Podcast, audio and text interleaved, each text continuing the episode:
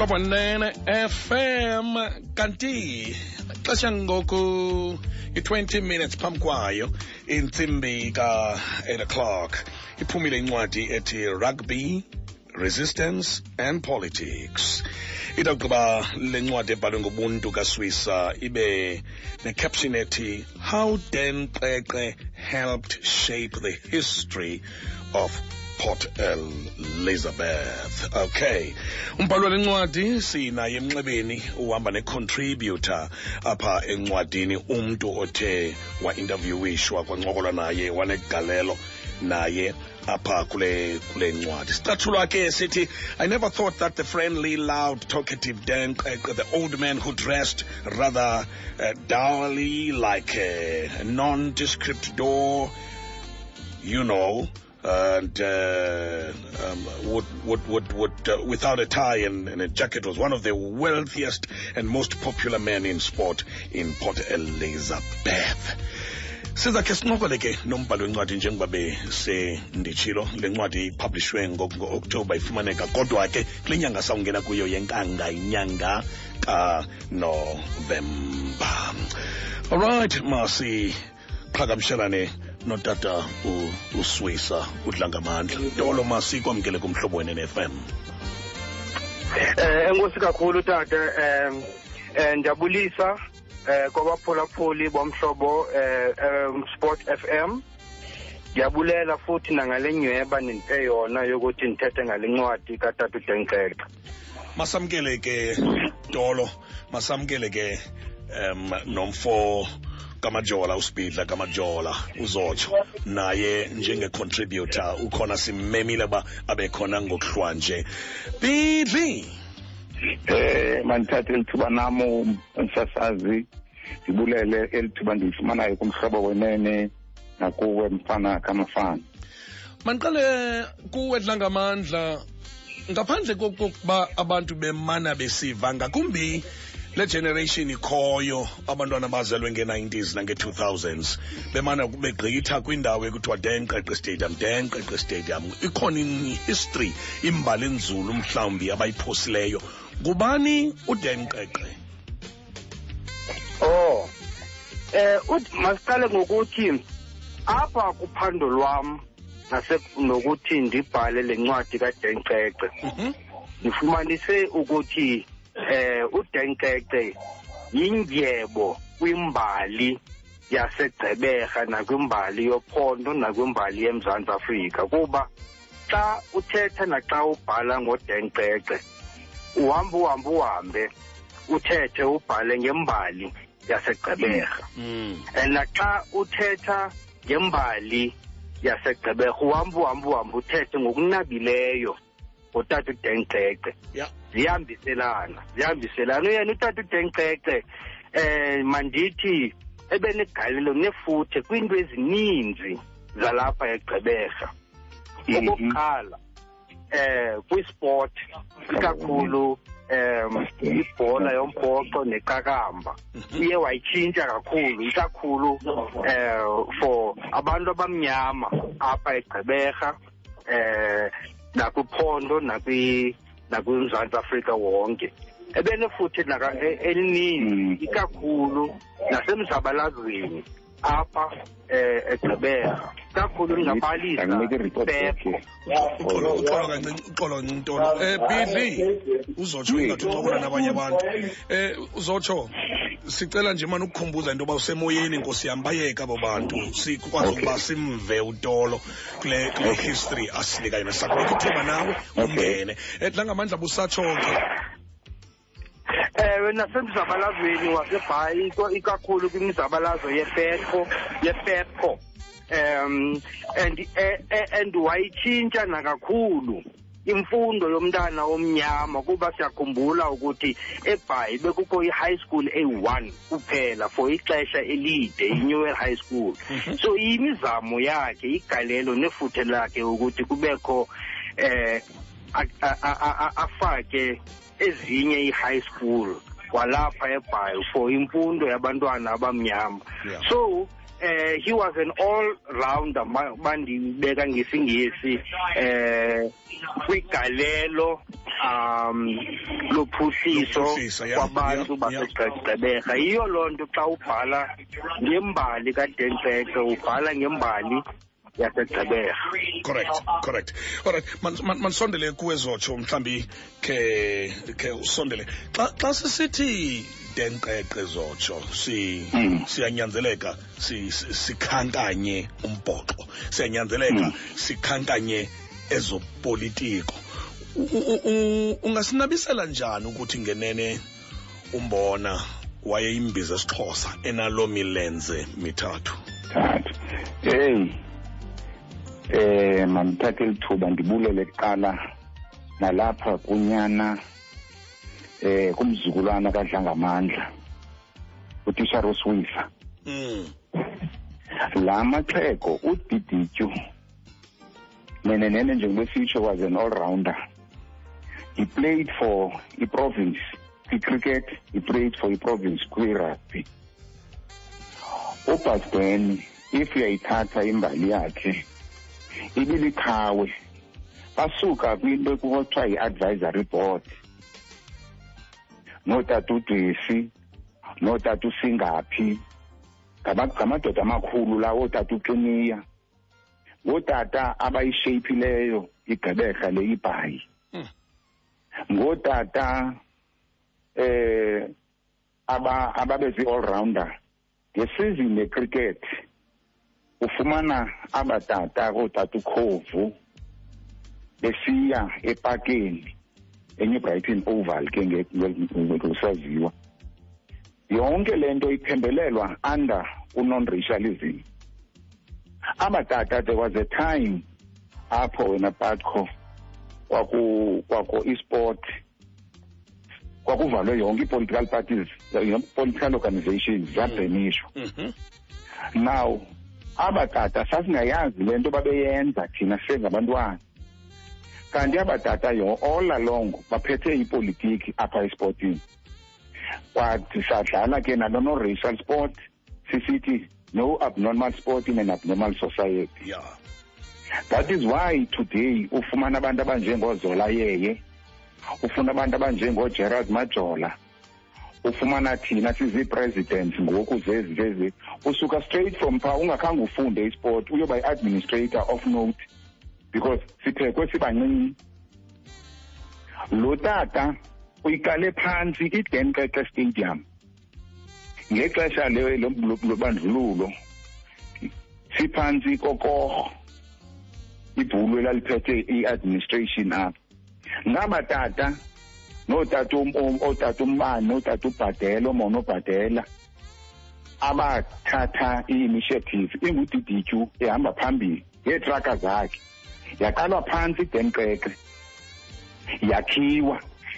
Bama abatata bonke utata umbane yababiza abatata besithi in fact i-government yiyo es- e- e- owner e- e- e- owa imali thina because ngabo abasuppose babakha izpo- i-sports field for abantu.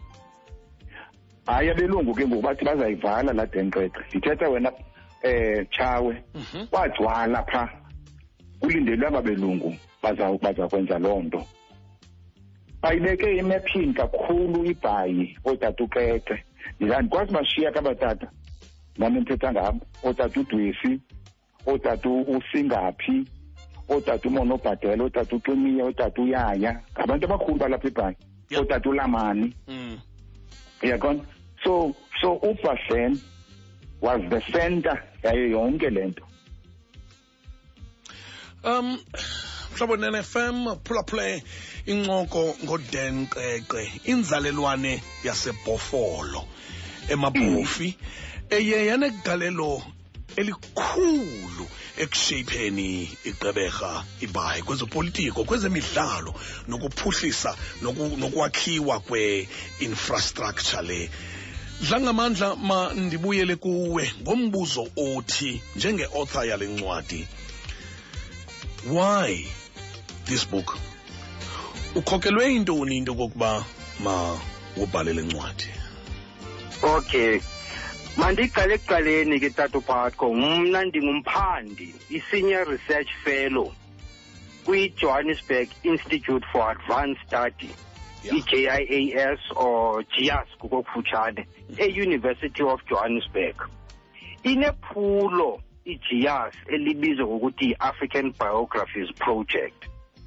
Injongo yeli phulo kukuqokelela abaphandi abamnyama, i-researchers ezimnyama zase-South Africa ukuthi zibhale ngee-South Africans ezimnyama ezibe nefuthe negalelo lokuthi lisisuse kwi-South Africa yengcinezelo lisise kwi-South Africa li yenkululeko nentando kawonke wonke ezi South African umuntu angabhala ngazo zisuka kwinkalo ngeenkalo eh sport politics culture njalo njalo. Okay. Kwabakho umbuzo ke ngoku Mhm. kwabanye abaphathi phaya kule institute besithi wena sibisa khawusichazele njengomntu ovele egqeberha ngumntu onjani lona? Kuthiwa ngudenkeke othiywa istadium ngaye. Umntu omnyama ophilayo ngexesha le at the height of apartheid. Hmm. athiywe istadium ngaye. Sonke ngumnqa lowo. Khawusibalisele Hmm? yaqala kanjalo ke incwadi kuthiwa ayikho into eyenzeka enjalo eSouth Africa ukuthi umuntu omnyama ophilayo at the height of apartheid and uh, and umuntu futhi eh oyikhaba ngawomane i-apartheid kuthiwe i-stadium ngaye esaphika yaqala kangako ke ngoku and then mna ndafumanisa into yokuba into phofu eyandikhu- eyandikhubazayo nento eyandikhuthazayo ukuthi njengokuba utata udenkeke nje uyamfumana even kwi-architecture yesixeko sasegqeberha kodwa there were zazingekho more than 20 ii-articles endandizifumana on the internet ngotata udenkeke and they were here and there ziscattered nje Mm. so yaba yinto kum eyandikhuthazayo nomtsalane ndabhala ngayo ke ngoku yandithatha eh iminyaka emithathu Yeah. Ukuthi ndiyiphande ndiyibhale ngayo. Eh so yiyo ke ngoku imvelaphi yale ncwadi ukuthi eh kukho nabanye abenza i- i-research zabo. So le yam ke ngoku ndiyiqale 2019 Mhm. seyifikelele esiphelweni kukho nabanye ababhalayo eh ngezinye ii-South Africans eziphuma kwiingingqi ngeengingqi ezenze Mm. eh ezibe negalelo kwiinto ezahlukeneyo. Eh yiyo ke loo nto ndabhala ngayo ngo- ngo- ngo- ngotata uDentekce and enye elinye inqaku elibalulekileyo endifuna ukulibeka kukuthi ndafumanisa ukuthi eh imbali abantu kufuneka bayixabise imbali yengingqi ngengingqi noba incinci kangakanani na kuba ibe iba nefuthe negalelo elikhulu elilinganayo nembali esingathi it's national Yeah. Mm. so Yeah. umuntu athathe ukuthi hayi le yam ingingqi okanye lo eli qhawe lalapha lincinci Mm. ke ngoku alina alina imprint Yeah. Kwi-south african history alinagalelo hayi akukho njalo kanti. So eh yinto ke ngoku endifuna ukuthi ndikhuthaze nabanye abantu Yeah. ukuthi bayijonge ingi- ingingqi zabo namaqhawe abo baziqokelele imilando babhale ngazo.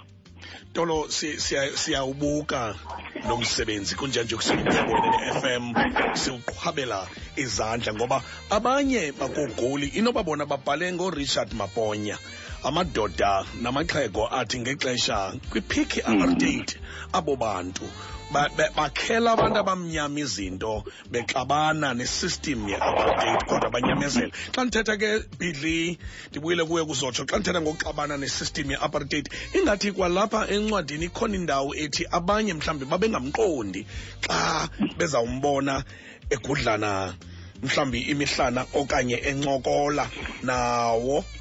Amadlagusha la kanti uncwase into kokuba agqithele ngaphaya kweajenda yawo yengcinezelo khona ukuze mm. azofikelela kule ndawo afuna ukufikelela kuyo yokwakhela umntu omnyama izinto ezinkulu. Yayikhona lalikhona ixesha apho mhlawumbi abanye babengam-understand into yokokuba uba udenqeqe yintoni le ayenzayo. Mhlawumbi ngamanye amaxesha bambona ethetha nabo. Um ndingathi mhlawumbi ule ye-advisory board ya. Le nto ndithi i-advisory board yayinotata udwesi inotata ompondo you know ya kwa- ku- kweli cala ke lase lasesisky ngelaa xesha. Mhm. Kukho ezaa nto kwakuthiwa zimbokotho ezimnyama. Mhm. So oobasden bayithatha ngamabom la advisory board kuba befuna uyiwisa. Oh ya. Ya- yayisistrategy because so- sokungena phaa kulaa advisory board bancance bafunxe kangangoko. And then after that bayithatha ke ngokulaa nto boonobasden njengootishara bakudala. And bayisebenzisa they had authority. Ukuba ngaba kwakuye khumbula mos isystem yakudala ufike oosetos bezivelela koomabhofi mhm. Oosetos bafuna bafuna imisebenzi apha. Ya oobasden ke babesebenzisa ii-clubs. Ii-clubs ezi uthathwe uyofakwa kwi-spring rose uthathwe uyofakwa kwi-febs i-febs yayingamabhofolo kakhulu. Mm. Bathathwa abantwana babantu. So so babesenza loo nto koobasden babathatha abantwana babantu babafake apha kwitimu ethile. Babathatha abantu babafake kwitimu ethile you know. So le nto ke ngoku uthi abantu did not understand the bigger picture. Ya ya. That is the Yeah. bigger picture ekugqibeleni. Yonke laa nto was turned into unon-racialism wow you know? Wow. Ubasden ke ubasden ke yena isuffered ke ngelo xesha. Ifunwa kakhulu ngala mabhulu orhuseni. Because le nto ayithethayo unantsika ule nto udlangamandla. Mhm. obasden kwakukho i-high school only one high school and oo-omond amabhulu declared okokuba ngenxa yo- yomhlaba olapha enantsikeni elokishini akunakwakhiwa double story apha enantsikeni elokishini ubasden refused ezo zinto ezo. Ubasden wathi nantsi i-rent office ine-double story apha kutheni ningazothi mayi- mayi- mayi- mayingenzeki loo nto leyo? Mhm. Thatha iitraka zakhe wa- i- i- i-high school ngoko yayinyuwele wakha inkani phaa ubasden phaa ele nto e- e- ecowen high school ukuze ibe ngexesha lo- lo- lo- lo- lo- lakaprincipal ufrank tonjeni wayijika so this was a politician this was a philanthropist. This was a, was a, was a man eh, u- udetainee not only that uye wayodetaina ubasden and ubasden was the only person when I wena com- wena patco owaye wathi wayibona le nto esithi ibhayi bekufanele uba lona liyi-province on its own. Abantu today bayabuyela basithi akwaba sasiyimamele into kadenberg ibhayi libe yiprovince bidli ngenxa yexesha ndiyafuna sisondele nalapha kutolo ngendaba ye-distribution nencwadi nokufumaneka kwaye mm, abantu mm. basebhofolo kudala baba negalelo kweli bhayi mani um mandisondele dlangamandla kulaa ndawo ethi i-distribution yencwadi izawufumaneka phi? Njani? Eh ngexabiso elithini? Futhi nokuthi mhlambi urhulumente angenzana ithuba lento umingene kwii-libraries zethu? Lo, lo, lo, e- e- yonke le khombo ke dlangamandla uzandiphendulela ngomzuzu nje ndizobheka ezindabeni. Oh akulungile tata uphatko incwadi iyaphuma eh ko-exclusive books bonke emzantsi afrika from 1 november and mna ndizobe ndisebhayi ndiye-3 kanovemba enelson mandela university. Ndizolontsha incwadi.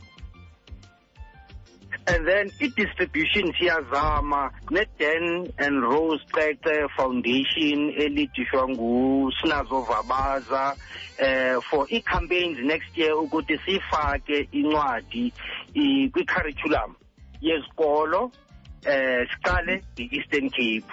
Yeah. So leyo iprogram iprogram ezoqala next year. Kodwa incwadi yaphuma first november i-book launch. Izobe ndizobe ndikhona kwi-book launch. Hayi sabe eh, sikunye sabe sikunye tolo. e-NMU. sabe sikunye tolo. Enye into kaloku tolo phaya udinga ababhali bencwadi. Yabona ke Eh, abasebhofolo ngutshawe lo ibe ngulaa lincoln mali naye une- unencwadi sezishelfini kwezi ndawo uthetha ngazo ndawonye nale kadenqeqe uyayibona uba intle loo nto sabe sikunye ke ngale third apha e-nmu mandibulele kakhulu udla ngamandla. Bulele kakhulu apha apha kubuntu kaswisa ndawonye ke nospidla kamajola sibambe umcimbi wencwadi ngoden qeqe sifikelela ngolo hlobo ke esiphelweni sezemidlalo namhlanje. Dibana nazo kwibreakfast eyondlayo ekuseni ngomso nomluleki kantsabo coach my coaching ngokwintsimbi yesibhozo ixesha lendaba